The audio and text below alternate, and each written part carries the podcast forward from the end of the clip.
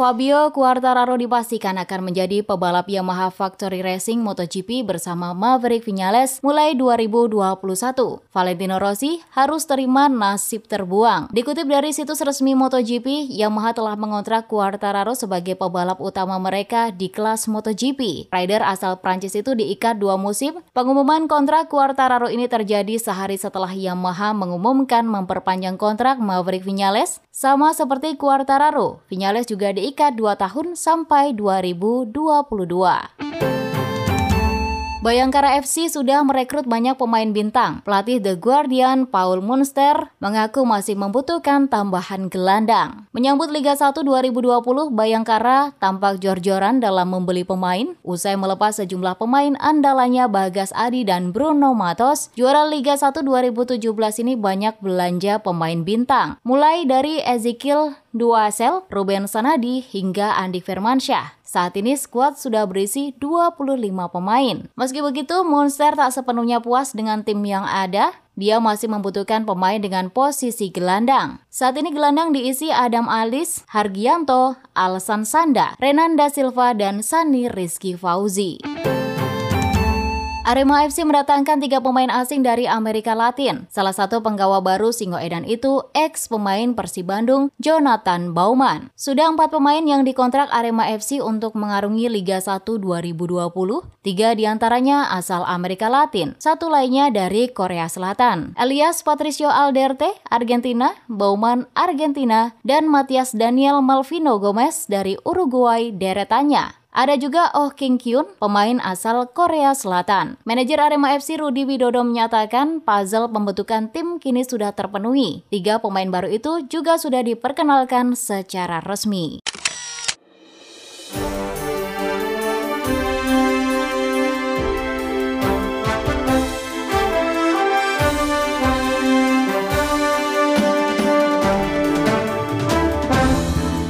Sekian Hot News edisi Kamis 30 Januari 2020. Kembali ke Andri dan Halida di Hot Horizon Tangerang.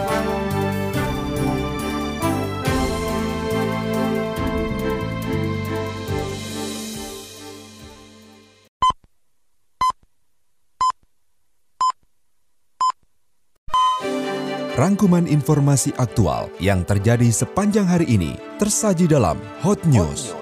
Pemkap Tangerang pantau kerajaan King of the King yang mulai masuk Kabupaten Tangerang. Indonesia perlu lobi jalur belakang evakuasi WNI dari Wuhan. Quartararo resmi temani Vinales di Yamaha, Rossi terdepak. Bersama saya Oki Nuryanti, inilah Hot News. Selengkapnya setelah Traffic Info.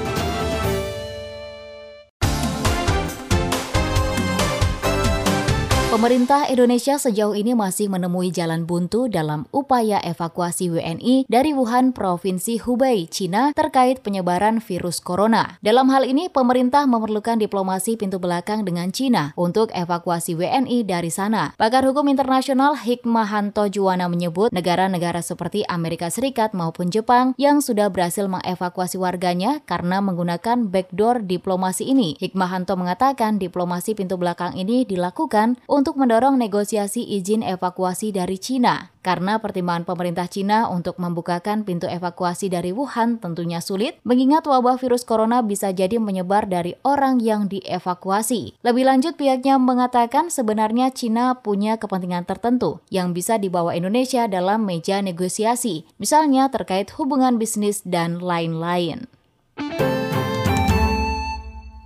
Banjir bandang melanda desa Sempol yang berada di sekitar kawasan Gunung Ijen, Kabupaten Bondowoso, Jawa Timur. Banjir bandang Bondowoso ini disebabkan hujan dengan intensitas tinggi di wilayah Gunung Suket Jampit. Kepala Badan Penanggulangan Bencana Daerah BPBD Bondowoso Kukuh Triatmoko menjelaskan bahwa air bercampur lumpur itu menerjang ratusan rumah di desa Sempol. Pihaknya menyebutkan akibat banjir bandang ini sekitar 200 rumah warga di desa Sempol terendam lumpur setinggi sekitar 30 cm. Sejauh ini belum ada laporan korban jiwa. Film drama keluarga Miracle in Cell Number 7 siap diadaptasi di Indonesia. Beberapa pemain dalam film ini pun sudah dibocorkan seperti Vino Gebastian, Tora Sudiro, Indro Warkop, dan aktris cilik Graciela Abigail. Miracle in Cell Number 7 sendiri menceritakan tentang seorang pria kekurangan mental yang dipenjara lantaran dituduh membunuh gadis kecil. Pria itu sendiri memiliki seorang anak perempuan yang begitu menyayanginya. Miracle in Cell Number 7 versi Indonesia sendiri akan menghiasi bioskop tanah air di tahun 2020 ini. Namun pihak rumah produksi belum merilis secara detail waktu penayangan perdana film mengharukan tersebut. Selain Vino Gebastian, Tora Sudiro, Indro Warkop, dan aktris cilik Graciela Abigail, film ini juga dibintangi oleh Brian Domani, Regen, dan Indra Jegal. Quartararo resmi temani Vinales di Yamaha. Rossi terdepak. Berita selengkapnya akan hadir setelah selingan berikut ini. Pemerintah Kabupaten Tangerang melalui Kantor Kesatuan Bangsa dan Politik terus melakukan pemantauan terkait kerajaan King of the King yang sudah mulai masuk ke Kabupaten Tangerang. Hasil yang didapat dari pemantauan tersebut, Pemkap melihat ada indikasi ke arah pembuatan kerajaan. Hal ini didukung dengan adanya surat yang masuk ke Pemkap, yaitu surat pemilik aset amanah bank kerajaan dunia. Kepala Kesbangpol Ahmad Hidayat menyampaikan, selama ini dicermati ternyata pemilik aset tersebut pengurusnya tinggal di Kabupaten Tangerang. Tangerang. Ahmad Hidayat menghimbau masyarakat harus ekstra hati-hati dengan fenomena raja-raja baru ini. Jangan sampai terjerumus kepada hal-hal yang menyimpang dengan fenomena yang ada.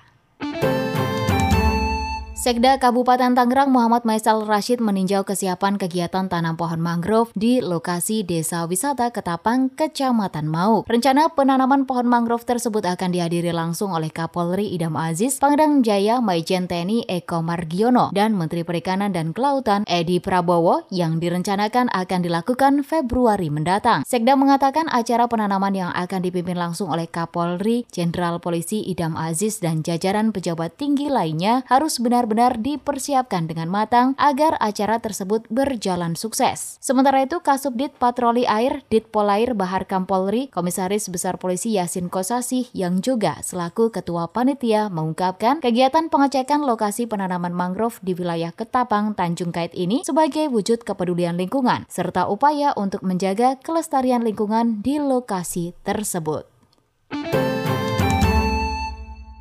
Pemerintah Kabupaten Tangerang raih predikat kepatuhan tinggi standar pelayanan publik dari Ombudsman Republik Indonesia Perwakilan Banten. Kepala Ombudsman Republik Indonesia Perwakilan Banten, Dedi Irsan mengatakan, dengan komitmen membangun serta meningkatkan pelayanan publik kepada masyarakat, Pemkap mendapatkan apresiasi dan dianugerahi predikat kepatuhan tinggi standar pelayanan publik 2019. Pemkap telah berhasil memperoleh predikat kepatuhan tinggi atau zona hijau sehingga Ombudsman Republik Indonesia memberikan penghargaan kepada Pemkap Tangerang berupa penghargaan predikat kepatuhan tinggi. Indonesia perlu lobi jalur belakang evakuasi WNI dari Wuhan. Selengkapnya setelah selingan berikut ini.